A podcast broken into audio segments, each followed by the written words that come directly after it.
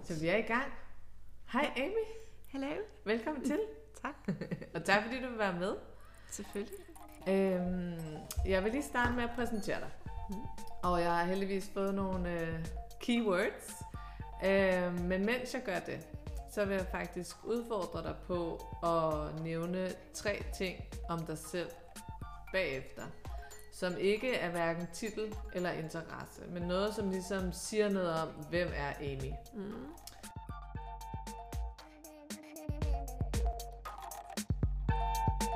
Og øh, du er jo øh, uddannet folkeskolelærer. Mm. Du er lærer på en privatskole. Ja. Derudover så er du selvstændig teenage mentor og trivselsvejleder Ja. på en skole. Mm. Øh, du er også tilknyttet et gymnasie, hvor du har en-til-en samtaler. Ja. Og så er du NLP-coach uddannet. Yes. Øh, samtidig med, at du har en uddannelse i mindfulness. Mm. Og øh, vi to kender jo oprindeligt hinanden fra, øh, fra Greve Privatskole. Mm. Og øh, derudover så har jeg fulgt med, mens du har været på din øh, selvstændige rejse. Og da jeg så blev selvstændig, så, øh, så, så startede vi egentlig øh, lidt samtalen op igen. Ja, det er rigtigt. Øh, og vi forsøgte at lave samarbejde, og er enige om, at øh, det skal vi gøre igen. Ja, Ja. det skal jeg være. Jeg har jo også fulgt med på din øh, udvikling, og synes, det har været mega spændende og inspirerende Instagram-opslag, du har lavet. Så øh, selvfølgelig vil jeg da gerne have, at vi skulle finde ud af noget sammen. Ja, det kunne også være virkelig godt. Mm.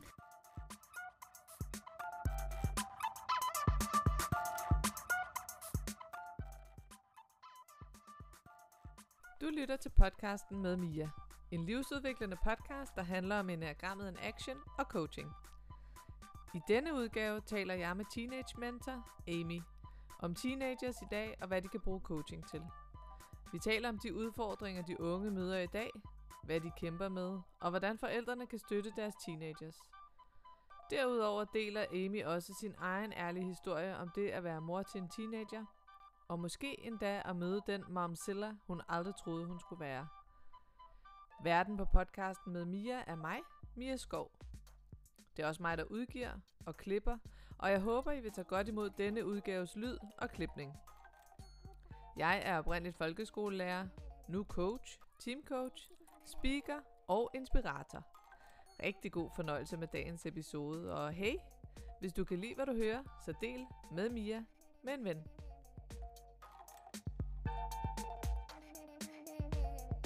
Øhm, og har du tænkt over, hvad, hvad der ligesom kendetegner Amy som sådan væren? Det er et mega godt spørgsmål. Øh, jeg synes, at jeg er rigtig god til at være nærværende. Øh, det er noget, jeg har. Det er noget, jeg prioriterer, og det er noget, jeg værner om. Og ikke ens betydende med, at øh, der ikke er nogen gange, hvor man lidt øh, kører på autopilot og sådan, men altså inden jeg går i seng, så har jeg virkelig tænkt, at jeg har været nærværende i mine relationer, og jeg har været nærværende i de ting, der er sket i løbet af dagen. Øh, I hvert fald haft en bevidsthed omkring, at jeg skulle give det tid, det der nu kom undervejs. Ja. Og så er jeg god til at se mulighederne. Altså, øhm, og det tror jeg også har været sådan lidt opgør med, at jeg ikke vil leve livet og se begrænsningerne, eller leve, altså, du ved, leve under de ting med, at Nå, men det kunne også godt gå galt og sådan. Altså jeg er virkelig sådan, der må være mulighederne, og hvad for nogle valg er der, og hvad, og hvad for nogle valg vælger jeg at træffe. ja. Så jeg synes faktisk, jeg er rigtig sådan dynamisk med hensyn til at se, hvad, hvad er der for nogle muligheder. Og det er også selv i de svære situationer, øh, og de store spørgsmål i livet, og sådan, øh, hvad, hvad er gaven i det, eller hvad, hvad for nogle muligheder er der. Ja. Og det har været mega svært at være selvstændig gennem coronatiden, der synes jeg da også, der har jeg også haft en dag eller to, hvor jeg bare tænkte, hvad fanden er gaven i det her? øh, men øh, altså, der har jeg virkelig så sat, altså du, ved, du må have, jeg har sådan et uh, motto med, du ved, man må bruge et døgn på at have ondt, i, ondt af sig selv, eller ondt i egoet og sådan, og så skal man komme videre, fordi det ændrer jo ikke noget. Mm. Øh, og jeg tror faktisk, det der med at være se mulighederne, øh, har hjulpet mig som selvstændig gennem coronatiden, fordi jeg fik jo lige pludselig stablet øh, noget corona-coaching op online med, nogle, altså med en skole, så både forældre og elever kunne, kunne ringe og få noget telefonisk coaching. Og det var jo en mega stor mulighed, og den opstod jo netop fordi, at det var mega svært at være forældre, at være hjemme og passe sit arbejde og være lærer samtidig, og unger, der måske skændes og kræver noget. Og så der var rigtig mange forældre, der faktisk også brugte det her coaching-form med, oh, hvad skal jeg gøre i de her situationer, eller, ja. eller bare mærke, at der faktisk er en, der lytter og så siger, ved du hvad, sådan er der altså mange familier, der faktisk kæmper med de her ting, som du også beskriver. Ja. Vi har også Kato med på linjen i dag. ja. Din søde hund. Han er så velkommen. Ja. Nej, det er en pige. Det er en dreng. Det er en dreng. Nå, mm. men jeg synes nok, Kato var et drengenavn. Ja. En valg på syv måneder, så der er lidt gang i ham. Ja, det er så fint. Så det var to, det var nærværende, og så det her med at se muligheder. Hvad er ja. den tredje? Ja. Så tror jeg bare, at jeg er rigtig åben. Ja. Øhm, og det tror jeg faktisk, at jeg altid, altså sådan er jeg opdraget, øh, og jeg flyttede til Danmark, da jeg var 10.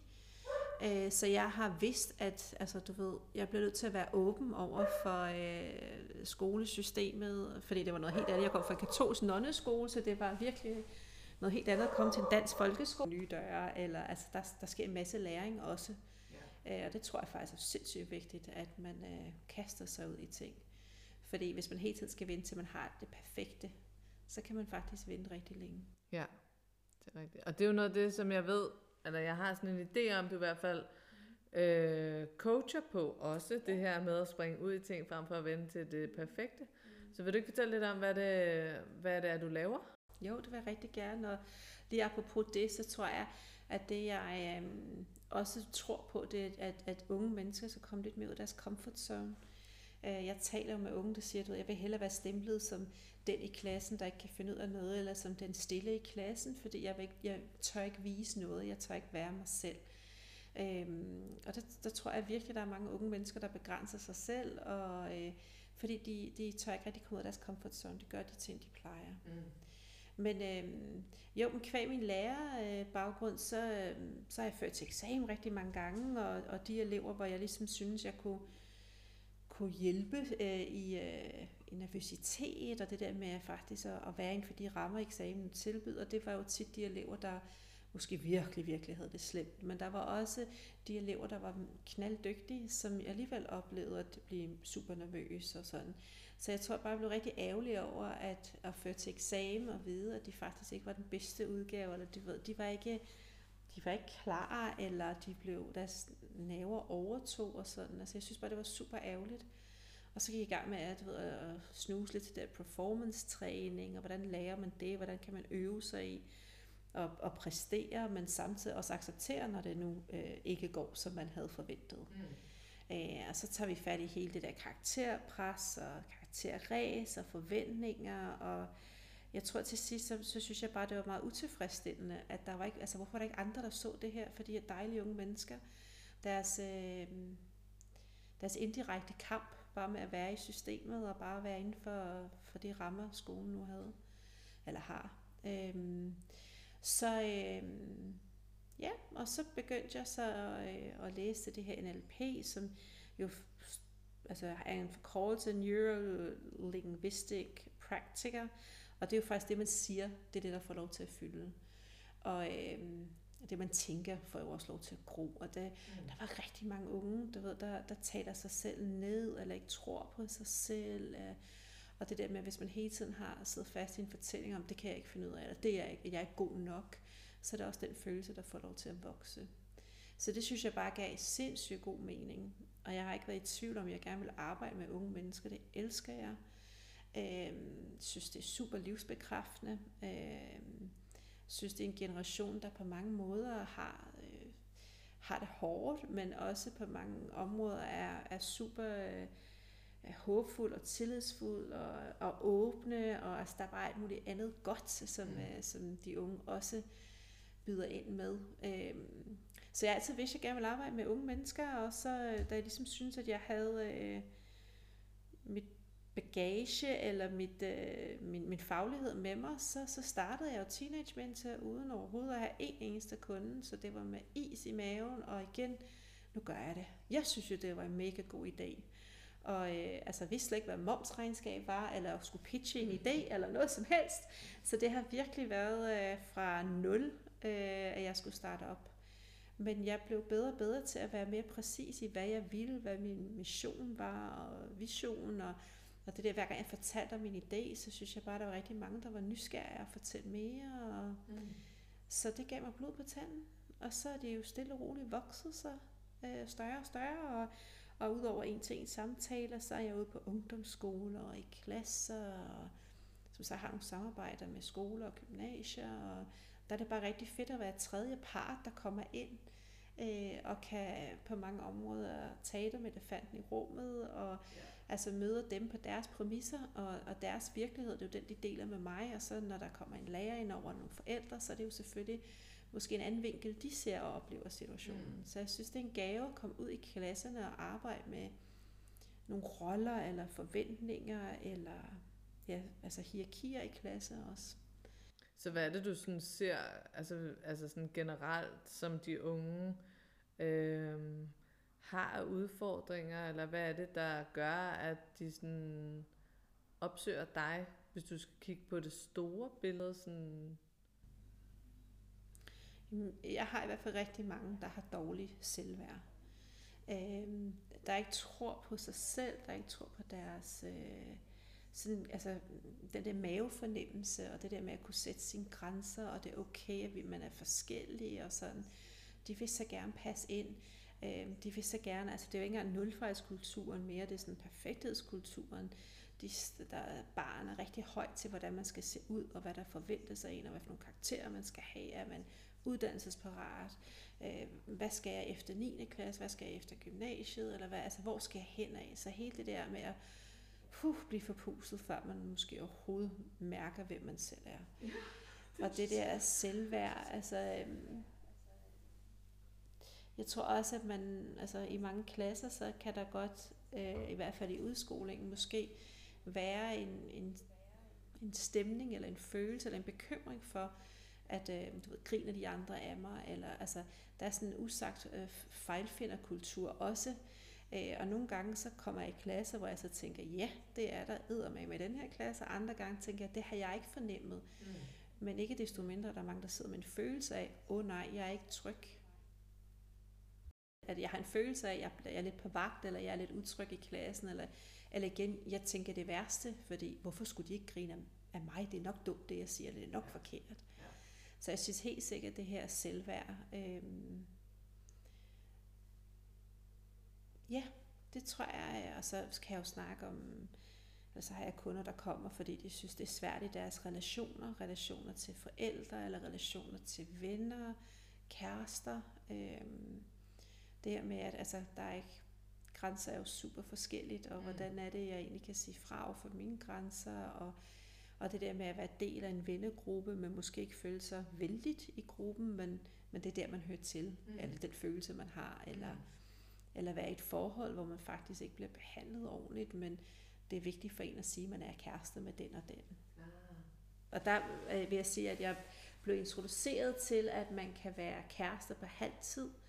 Det vidste jeg ikke, man kunne, men det er sådan, hvor man er kærester, du ved, mandag til torsdag, og så øh, så er man ligesom ikke kærester øh, torsdag, fredag og lørdag, søndag, og så går man tilbage og er kærester igen mandag. Okay. Og det er sådan, øh, dem jeg har talt med, det har været piger, og det har været gymnasietiden, eller gymnasiealderen, og så er det lidt det der med, at man vil gerne være i et forhold, fordi så er man jo kendt på gymnasiet som værende i forhold med den og den. Mm. Men omvendt så ved man også, hvad der så sker torsdag, fredag lørdag. Og der tænker jeg også, det skulle heller ikke godt for ens selvværd at man nøjes med, med, med de spilleregler.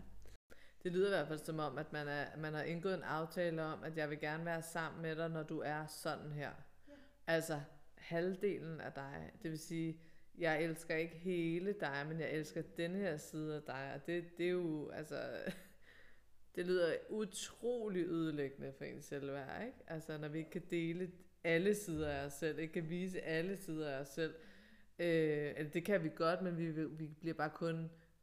Jeg ved, jeg ved ikke engang, om jeg skal sige elsket. Mm. Men altså sådan, jeg vil bare kun være ved dig øh, halvdelen af tiden. Ikke? Det er jo... Men der er det igen tilbage til noget tryghed, øh, som også fylder lidt. Ja. Og, og jo, det er da super toxic, fordi hvis man så ligesom har været ude, og så øh, udnytte, at man var single i weekenden, mm. og så kommer tilbage, og måske er det på samme gymnasie, Og så er den her person, som sagt er nu, nu hun, eller hun eller han så kæreste i det her, og altså det giver en masse ja, dårlig stemning, eller ting, man skal forholde sig til, og altså negativ energi mm. øh, i bund og grund. Øhm,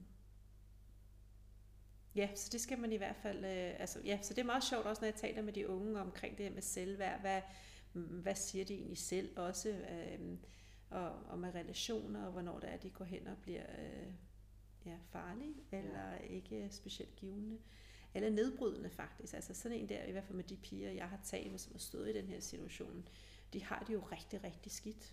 Og de kan jo slet ikke finde ud af at være i de der weekender, fordi de tænker også, hvad sker der nu? Og i øvrigt på de sociale medier kan man jo også se alt det, der er sket, og, øhm, og vide lidt, at der bliver talt om en, men alligevel så, så accepterer de præmissen, fordi det er vigtigt, at de så kan holde i hånd mandag ja. og være parret på gymnasiet. Wow. Øh, og så er vi altså også noget facadetænkning ind over os, ikke? Ja. Øhm, og det, jeg taler også med unge, der så siger, at jeg har en maske big time, jeg har kæmpe facade, men det er det, jeg har for også for at beskytte mig selv. Ja. Øhm, og jeg vil sige, jeg er helt... Øh, jeg synes, det er så øh, ja, hjertevarmt dejligt, at når jeg taler med de her unge mennesker, hvor ærlige de er, facaden af paraderne er fuldstændig nede. De ønsker jo faktisk et ærligt frirum, hvor de bare kan læse af, og hvor der ikke er nogen, der skal dømme, hvor der ikke er nogen, der skal komme med gode råd, mm. men en, der faktisk lytter, og så coacher og vender tingene på hovedet og spørger ind, hvorfor de gør, som de gør. Mm. Øhm, så jeg synes, det er det er super fedt, at de, øh, at de faktisk også har det selvindsigt, at de også kan, kan sige, prøv at høre, jeg bag min facade. Ja. ja, det er stort skridt at tage, tænker jeg. Ja, det er der mange voksne, der kunne lære ja, af, ikke? Altså, og det igen, det er jo ikke forkert at have en eller anden form for facade. Det tror jeg, der er mange mennesker har. Men, øh, men hvornår er det igen, det begrænser, øh, og, og hvad formålet ved at have den her ja. facade? Ja, præcis og hvordan kan jeg tage den af, måske langsomt, eller øve mig i, hvilke områder kan jeg kan den gavne mig, og hvilke områder længes jeg egentlig efter at være autentisk. Ikke? Så hvordan støtter du forældrene i den her proces? Jamen altså, jeg har jo noget, øh, der hedder forældrecoaching, øh, og nogle gange giver det mening, hvis jeg har en ung i forløb, at jeg så også inviterer forældrene indenover. Øh, og det er selvfølgelig, når, når de unge ligesom accepterer det, eller siger, om det synes de også er en god idé. Øh, jeg har primært morcoaching, øh, og der er det også det her med, at vi kan google os til alt, øh, og vi kan simpelthen finde ud af, hvordan den rigtige mortype eller morrolle skal være, og man vil gerne være karrierekvinde, man vil gerne være en perfekt mor, man vil måske også gerne være en god kone eller kæreste, og huset skal også se ud. Så der er faktisk rigtig mange ligheder, synes jeg, mellem det, jeg ser de unge piger, øh, stræbe efter, som mm. jeg også kan se mødre faktisk også føle sig lidt på samme målskala, eller ja. de skal også leve op til noget. Og det jeg prøver at, at i hvert fald fortælle de her dejlige mødre, det er det der med, altså, hvordan vil du gerne være forbillede for dit barn eller ja. for din datter? Og det tror jeg er rigtig vigtigt, og der er ikke nogen, der er perfekte. Mm. Men at man også tør snakke om de dårlige dage på arbejde, og man også siger, ved du hvad, det orker jeg ikke, fordi mor hun er træt. Mm. I stedet for at vi også igen negligerer grænserne og bare gør tingene, fikse tingene, løse tingene. I stedet for at så sige, at det, min grænse er faktisk noget her. Ja. Fortæl også, når man synes, det er hårdt eller svært, fordi det er jo faktisk det, som også mange, rigtig mange unge siger til mig, jeg kan se, at der er noget ved min ja, mor eller far, og når jeg spørger, altså, er du okay, eller altså, hvad er der i vejen? Om der er ikke noget i vejen. Øhm, hvor de unge også siger, det er jo rigtig svært, når jeg, de siger en ting, men jeg kan fornemme, der er noget andet, eller ja. de viser en anden side. Ja. Og så samtidig vil de gerne have, at den unge skal være ærlig og faktisk sige og, og vise den side af sig selv. Men, men børn og unge er jo, som de er, en årsag og spejler sig sindssygt meget. Mm. Øhm, så jeg har sådan, jeg, jeg synes, jeg har sådan et rigtig fint billede, hvor det er sådan øh, et par, par sko. Det er sådan nogle højhælede sko, men det behøver det ikke nødvendigvis at være.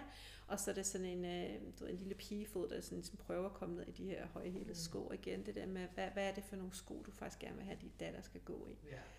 Øhm, og også som, som mor smide facaden, altså at vise en ærlig side og tale om de ting, der er svære og, øhm, og ja, også ikke kun at poste de gode billeder, og det her med at bruge filtre og sådan noget. Altså det er okay, at man ser ud, som man gør også som kvinde. Ja. Der er de former og rynker og hvad der ellers nu hører til. Men hvis det også er det, man så sletter, og så sådan er lidt efter sin teenage datter, at du skal elske din krop, og du skal elske dig selv, men, men hvad er det egentlig, man selv måske kommer til at gøre helt ubevidst? Ja. Øhm, og man ikke også kun poster, når ens datter har bestået i køreprøve, eller fået en, en flot gennemsnit. Det må man gerne være stolt af. Det må man også gerne poste. Man skal bare også poste tak, fordi du er dig. Mm.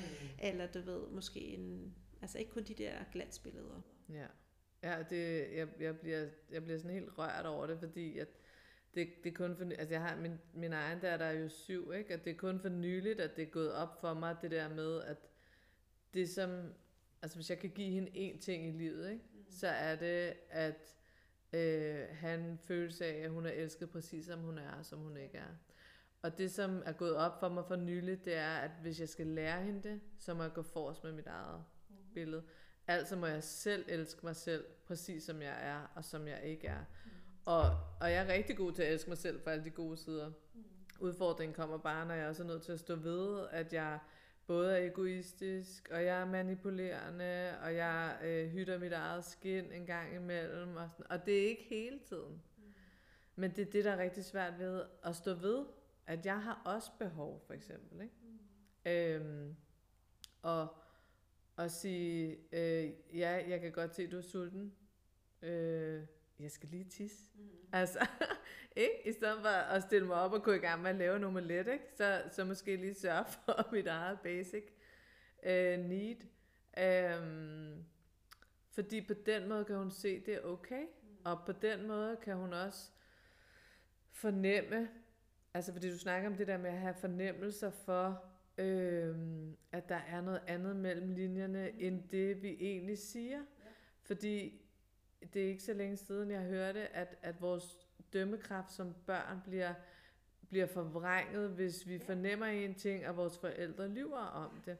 Så det der med at sige, øh, mor, er, der, er, du, er du okay, eller er der noget galt, og så, og så faktisk ikke bebyrde dem med whatever økonomiske udfordringer. Men det er ikke så længe siden, min datter hun sagde til mig, mor, kan du huske dengang, du græd? Mm. Jeg tænkte, øh, gud, det kan hun huske. Ja. Det sker ikke særlig tit, altså heldigvis, men, men, øh, men jeg blev rigtig ked af det, og jeg valgte at vise hende det, fordi at, at jeg vil gerne vise hende, at alle følelser er okay her, at uanset hvordan du har det, så skal vi ikke sætte en eller anden facade op, og, øh, og, og voksne mennesker bliver også ked af det. Absolut. Så det, øh, ja, det, det satte bare lige noget i gang hos mig selv, Øh, fordi det også ligger mig meget på sinde at gå forrest i forhold til min datter. Og min søn også. Det med, hvad man siger, øh, altså man må gerne, altså man må godt blive vred, man må godt blive sur, og man må godt blive frustreret og alle de der følelser. Derfor har jeg også været sådan lidt, man må gerne, man må gerne lære at pytte. Det tror jeg faktisk er en nødvendighed i skolelivet. Mm men man kan ikke pytte på andres vegne. Og der tror jeg faktisk, der er mange børn, der nogle gange kommer i klemme, men hvorfor må jeg faktisk ikke vise, eller hvorfor må jeg faktisk ikke sige det her? Nej, så er du ikke en god ven, når du gør sådan og sådan. Så der tror jeg faktisk også, at nogle gange så er der rigtig mange følelser, der bliver undertrykt i mm. øh, bedst mulig konfliktløsning i et frikvarter og sådan. Men altså, at det også er okay, hvis jeg siger, det der, det synes jeg bare sådan og sådan. Eller nu er jeg bare fred og ked af det, eller i stedet for, at det skal du bare pytte. Mm. For hvis man så eller bliver tvunget til at sige en undskyld, som faktisk ikke er klar til at levere på det tidspunkt. Ja. Så ja, og det der med at, altså ens mors type, min datter, hun skal jo konfirmeres. Og det er en meget stor dag, både for hende og for jeg. Øhm, og jeg, øh, jeg har jo holdt workshop om det at være momzilla. Og en momzilla er jo den her mor, der fuldstændig overtager lidt planlægningen af konfirmationen og øh, er simpelthen øh, kører sig selv helt vanvittigt op, og måske, altså, du ved, nogle gange need to have og nice to have, og skildre mellem det der, og, og med at kunne tillade sig selv at være i nuet på dagen, og sådan, om alle de her ting. Og det har jeg holdt øh, foredrag om, og det har været mega sjovt og spændende, og de her dejlige mødre er jo kommet og grinet lidt og følt sig truffet, og, og du kan bare mærke, at jeg er på vej dertil selv, selvom jeg havde svoret, at det ikke ville ske. Og det tror jeg også er fordi, ej, hvornår er det lige, man skal stoppe? Og som mor vil jeg bare vildt gerne have, at min datter får den bedste konfirmation. Øh, og så er jeg kommet til at melde mig ind i alle mulige grupper. Det skal man altså ikke gøre, fordi så bliver man bare, det kunne man også, det kunne man også, det kunne man også. Og tingene løber løb, løber løb, og altså, wow. Så nogle gange så har man jo også en holdning til, hvordan man gerne vil være som mor, og måske lidt det, du siger med, at man skal elske sig selv for de dårlige sider, hvor jeg bare kan mærke, jeg kan godt være mega dominerende, når jeg gerne vil have noget igennem, ikke? Og det er jo ja. måske mine behov frem for min, min datters behov, og så der, øh, der er jeg i hvert fald en meget, meget spændende øh, sted lige nu med at faktisk se, at øh, jeg nok er blevet lidt en momsiller i planlægningen. Ja. Øhm. Men det er jo også det, der er det skønne ved at være coach, ikke? Det er, at vi, vi, eller det ved jeg ikke med dig, men, men jeg føler mig i hvert fald i proces hele tiden, ja. altså, og udvikling, og jeg kan jo kun forstå min, min coaches i det omfang, jeg, jeg forstår det i mig selv, ikke? Ja. Så det er jo... Øh... Men jeg synes, det er rigtig dejligt, at man kan sige det højt. Ja. Øh, og det synes jeg også, at det øh, prøver jeg at være rigtig god til, fordi at øh, man kan jo også godt sidde nogle gange lidt som kvinde og føle, om det kan vi ikke lige dele her, eller ej, det er ikke så pænt at sige sådan og sådan, eller ej Amy, du er virkelig dominerende og sådan noget, men, men hvor jeg godt siger, ja, ja, det er jeg faktisk i den her situation, så vil jeg bare gerne have det lyserøde lysestager, eller hvad det nu er, ikke? Ja. Øh, og det synes jeg også faktisk, der kan komme nogle rigtig gode, hyggelige, øh, ærlige snakker omkring. Ja. At, at hvis, hvis vi kvinder også øh, tager del de sjove og udfordrende sider, også det at være en, en god mor. Ja. Og hvad, hvad betyder det at være en god mor også? Ja. Har du, hvordan, hvordan er samarbejdet med din datter i forhold til den konfirmation? Mega godt. Hun er jo bare, hun er meget mere nede på jorden, end jeg er. øh, og hun glæder sig øh, virkelig meget. Og vi har besluttet os for, at vi vil invitere gæsterne sådan til kl. 16, så det bliver ikke sådan noget frokost noget, for hun vil rigtig gerne have, at der skal være fest og dans.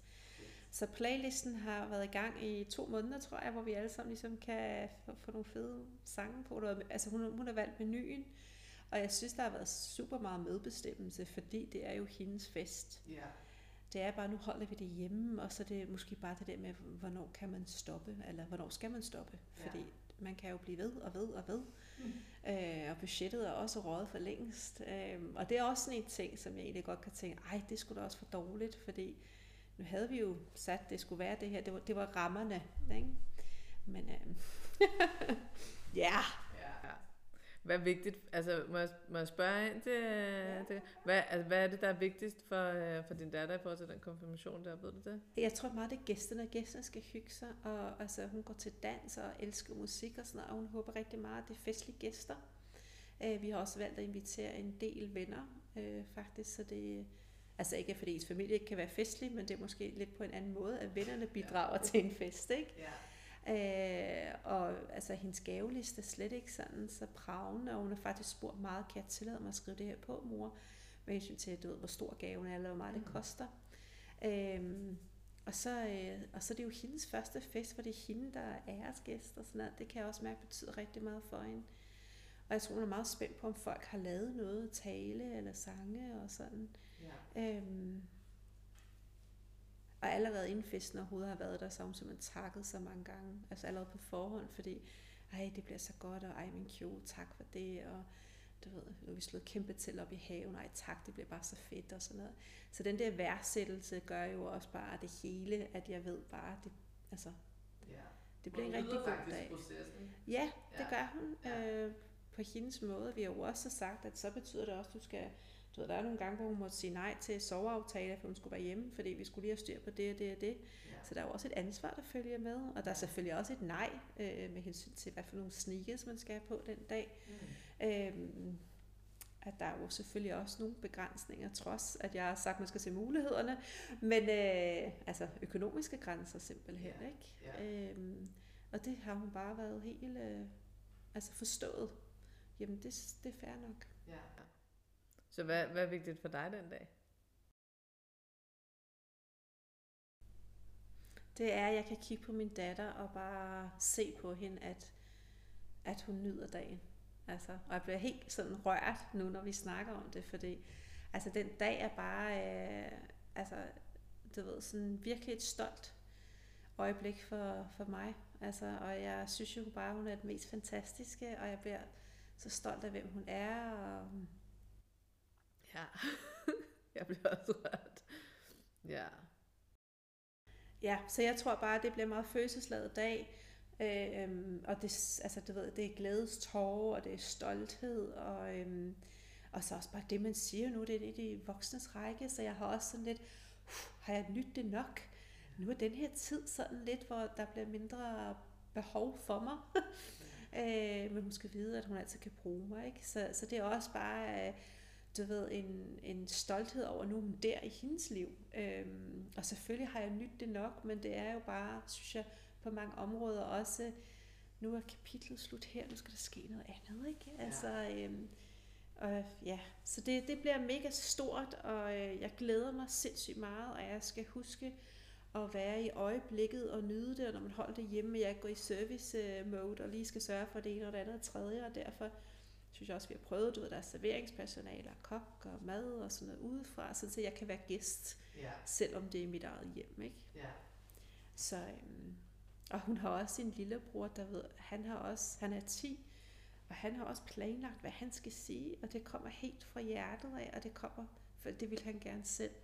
Og det er også en ting, jeg kan blive enormt rørt over, den der søskende kærlighed. Og det der med, at Rasmus bare kigger og bare, da han så hende i hendes kjole, wow, hvor er du smuk. Så der, der er så mange elementer i, at det bare er en, øh, altså, eller det bliver en rigtig, rigtig dejlig dag, jeg er sikker på. Ja, ja, det er også. Men det er virkelig interessant det der med at komme ind til, til kernen af, hvad det er, der er vigtigt, ikke? Mm. Fordi at, jeg synes nogle gange, at midlerne mod målet, altså det kan jeg 100% mm. Selv genkende, det der med at komme til at forhaste mig i processen mod målet, frem for lige at stanse op og nyde den proces, man er i gang med, som jo også er enormt smuk, ikke? Yeah. Altså hendes taknemmelighed og alle de skridt, der er på vejen til at, at opfylde hendes og dit eget ønske, og, og den der, hedder det transition fra, mm. fra barn til voksen-agtigt, ikke? Og hvem skal man, altså fordi, selvom det er hendes transition, ikke, så sker der jo også noget i os som mødre. Ja, det gør der nemlig. Altså det, det kan jeg da selv genkende, at, at nu skal jeg være mor på en anden måde. Ja. Så hvem er jeg nu, når ikke der er brug for mig på samme måde? Ikke? Puh, kan jeg finde ud af det? Selvfølgelig. Selvfølgelig kan man det, og, øh, og ja, det er rigtigt nok, det er jo ligesom en, en ny fase af det at være mor, og det er nogle andre bekymringer, man lige pludselig står overfor, og selvfølgelig også nogle andre udfordringer. Øh, selvom jeg er teenage menneske, så bliver jeg da også udfordret på teenage-attitude for min egen datter. Øh, og det er jo klart, at der er nogle andre følelser øh, altså, i spil der. Øh, men ja, jeg tror da også, øh, fordi jeg netop er teenage mentor, altså det er jo både på, altså jeg skal passe på, at jeg ikke nogen gange, fordi jeg hører de historier, jeg gør, lidt øh, tænker, at så skal det også ske for min datter, eller når så er det måske også sådan, at man fester i hendes, øh, eller kommer til at feste, og sådan. Eller det med at være kærester på deltid. Gud, bare hun nu ikke finder det. Og, altså, så der er jo mange ting, hvor jeg virkelig også skal huske at hænge mit professionelle jeg øh, på mit arbejde, og så sige, at nu har jeg jo så min teenager, som er fuldstændig, øh, som hun skal være, og må, må nogle gange lytte til de udfordringer, uden måske nogle gange at fikse det for hurtigt, øh, eller komme med løsningen, eller så sige, det kender jeg også, nu skal du høre her, eller, eller måske nogle gange plante nogle ting helt ubevidst, fordi jeg har den viden med mig. Øhm, og der synes jeg faktisk, at min datter er rigtig god til at så sige, ej, ro på mor, det, det er slet ikke det, jeg siger.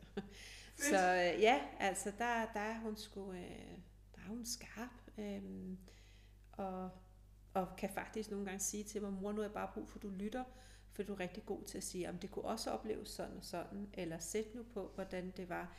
Øhm, altså hvis der har været noget med nogle veninder eller sådan, så er jeg måske god til at prøve at nuancere billedet, eller se nu for de andres synsvinkel. Og selvfølgelig har min datter der bare brug for at læse af på mig, og jeg skal give hende et kram og så sige, det kan jeg godt forstå, skat, det er da også uretfærdigt for dig. Ja. Men der synes jeg faktisk, hun er god til at sige det i øjeblikket. Mor, nu har jeg bare brug for sådan og sådan. Ja. Øhm, så det er dejligt. Ja. Så hvad ser du sådan, at, at, at altså du snakker om det her både mor og datter, hvad er det du ser, at mødre, eller, eller det forhold generelt sådan, har brug for, for at blive støttet og styrket så meget som muligt? Øhm, jamen altså en, en ærlighed og en åbenhed. Øhm, og jeg ved der, hvor jeg faktisk møder meget det med, med de sociale medier, hvad, hvad det er for nogle billeder, øh, unge piger deler, og øh, og, og deres tøj også. Altså det er der faktisk rigtig mange møder, der kan have nogle voldsomme holdninger til, og faktisk øh, til tider komme til at udskamme, øh, selvom det kommer måske fra et godt sted, men hvordan det bliver misforstået, og, og jeg fornemmer faktisk, at der er en del teenage piger, der nogle gange, uden at vil lyve, men lidt føler sig tvunget til at komme med nogle hvide løgne, eller lige skifte tøj, øh, inden de går i skole, eller lige putte mm. mere mascara på, eller lige fordi at det ikke er tilladt, eller fordi moren har kommet med nogle kommentarer og sådan, så og der, tror jeg bare generelt er sådan, at øh, som kvinde, så har man måske selv oplevet nogle ting, der selvfølgelig har sat sig i en, både med hvad der er tilladt og påklædning, og hvad, hvordan er man en ordentlig pige. Mm. Øhm, og der tror jeg bare især i dagens Danmark, det der med, at altså, man kan sagtens være en ordentlig pige, og øh, altså, gå klædt, som man nu engang vil, ikke? Altså, øhm, der var meget omkring det der crop top øh, udfordringen, og, og der synes jeg da, det var vildt spændende faktisk at høre forældrenes side, og så de unges side. Øh, altså, hvordan er det, man har en holdning til det, og hvornår er det, at tøj lige pludselig har nogle... Altså det her, hele, hele det seksuelle lige pludselig, der kommer ind over, hvad man må have på, hvad man ikke må have på, og det der med krop, forståelse og kropideal, og Nå, det er en helt anden snak. Men øh, i hvert fald, så, øh, så, så tænker jeg øh, det der med, at øh, jeg fornemmer lidt, at altså en, en ærlighed blandt mor og datter, og en, en lyttende fra morens side, frem for at fikse, og måske frem for nogle gange at være lidt kritisk ja. med hensyn til det, man hører. Ah. Altså, hvad tænker du på kritisk med hensyn til, man hører hvorfra? For, for, for datteren, altså, og det kan godt være i forhold til ja, forhold, i forhold til øh, venskaber, øh, i forhold til det, de deler. Der er rigtig mange, der siger, du kunne jeg aldrig finde på at dele med min mor. Mm. Jamen hvorfor? Jamen så er jeg bange for, at hun bekymrer sig, eller hun blander sig, øh, eller at hun dømmer mig. Ah, okay. Og hvis man når derhen, så bliver det bare lidt kedeligt. Fordi at øh, så har man, altså, så er det virkelig lukket ned for nogle gode samtaler og en ærlighed. Og det er jo faktisk der, hvor man har brug for den der ubetingede morkærlighed og støtte. Øhm, men jeg kan så også sige, at når, når de unge så fortæller mig, hvor de har forsøgt, og de, de faktisk er blevet mødt med den der dømmende øh, indgangsvinkel, så giver det jo mening, at så, så lukker man jo i, eller så deler man ikke de ting med sin mor igen, øh, hvis man nu har prøvet et par gange, og det ligesom er blevet mødt på den måde. Nej, nej det giver mening for os alle sammen, tænker jeg. Så det her med, at der er en ærlighed og en åbenhed fra morens side, som igen altså, må gå forrest, tænker jeg, som er den voksne og den ansvarlige på en eller anden måde. Øhm, og så ved jeg jo, du har sådan en mindfulness øh, workshop mor-datter, altså generelt mor-datter events. Altså hvad kan det? Jamen, det kan noget helt magisk. Altså, jeg synes, det er så fedt, at øh, mor datter kan få lov til at bonde på en, øh, en lidt særlig måde. Det er noget, man tilvælger. Jeg vil gerne bruge tid med dig. Øhm, hvis man går i biografen, så sidder man og bliver underholdt, og du ved, der er en film, man snakker måske om det bagefter, eller man tager ud og spise. Men det her, det er jo en oplevelse, hvor, hvor man faktisk er medspiller på det hele. Altså, du ved, der bliver sat nogle samtaler i gang, nogle spørgsmål. Man får lov til at slappe af, man får lov til at lave en kropsscanning, man får skabt en bevidsthed sammen. Og så på vej hjem, så kan man snakke om oplevelsen. Mm og tingene bliver taget lidt op i helikopterperspektiv, sådan, så man kan snakke om det, man hørte, og så kan man jo vælge at lukke op om den følelse kendte jeg også godt, eller ej, da der blev sagt sådan, så kunne jeg mærke sådan og sådan. Så det er sådan lidt stille og roligt øh, åbent, at vi kan snakke om nogle af de her øh, måske overordnede ting, øh, der kan fylde lidt, og så kan man jo vælge også at snakke videre med sin, med sin mor. Øh, og jeg vil sige, at jeg holdt også en anden mor-datter øh, event, hvor det, det var så fint, de skulle lave en øvelse, hvor de skulle kigge hinanden, skulle øjenkontakt, og så i to minutter, så var der sådan lige tre spørgsmål, de skulle igennem. Og jeg kan huske, at jeg kigger rundt, så ser jeg faktisk flere mødre med tårer i øjnene, og, og piger også med tårer i øjnene, fordi det var bare så særligt, hvor de sagde, gud, det glemmer de helt at sige i hverdagen. Yeah. Det er der ikke rigtig lige tid til. Øhm, og det synes jeg, man skal tage tid til. Altså lige at tune sig ind på hinanden, og lige holde øjenkontakt, og så igen være nærværende. Øhm, og jeg har også haft en anden super fin event, der handler om perfekthedskultur. Igen mor og datter, sådan så altså moren også hører, hvad er det for en perfekthedskultur, de unge synes, de fornemmer. Øh, og hvor pigerne måske også kan se bagom, jamen hvorfor er det, at, øh, at moren oplever det på den her måde. Eller, øh, og det sluttede faktisk af, at der kom en fotograf og fik taget nogle super fine mor-datter-portrætter Øhm, og det var også bare sådan, det var lige sådan en særlig gestus, eller lige, altså man, man får noget med sig på en helt særlig måde. Ja. Så derfor synes jeg, det er mega fedt at kunne lave det, mor-datter. Ja. Øhm, og så synes jeg også, der er en efterspørgsel til, at man faktisk gerne vil lave noget sammen med sin teenager, men hvad skal det noget være? Ja.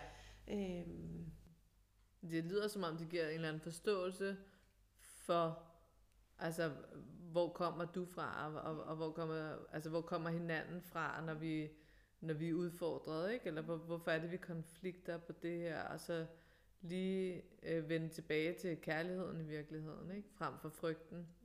For det lyder som om, det du snakker om, sådan tøj, og når, når, når mødre gerne vil bestemme, eller har svært ved at lytte, at det i bund og grund, altså det lyder som om, at det er kærlighed, men i virkeligheden er det, er det frygt, morens egen frygt, ikke? Altså for, at, at datteren bliver udskammet, eller sådan, altså så det er jo gamle, det er jo gamle historier, vi som mødre kan bære med os og putte over i vores barn, ikke? Absolut. Ja. Og at forstå det som mor kan jo være enormt svært. Nej, nej, jeg vil bare gerne passe på dig, lille skat, fordi tænk, hvis nogen nu griner af dig? Men, men, men det er jo ikke, øh, altså det hører måske morens egen gamle sort. Det er i hvert fald noget, jeg kan genkende, ikke? Og så, så synes jeg bare det der med, at man ser hinanden i en travl hverdag. Ja. Øhm, og, og, og det er en oplevelse, man får med sig. Ja. Det synes jeg, der Ja, det lyder i hvert fald virkelig dejligt. Alright. Ja, øh, er der noget, du tænker sådan, du har lyst til at dele her på falderæbet? Noget, du, øh, noget, du sådan tænker, verden har brug for at vide? Eller?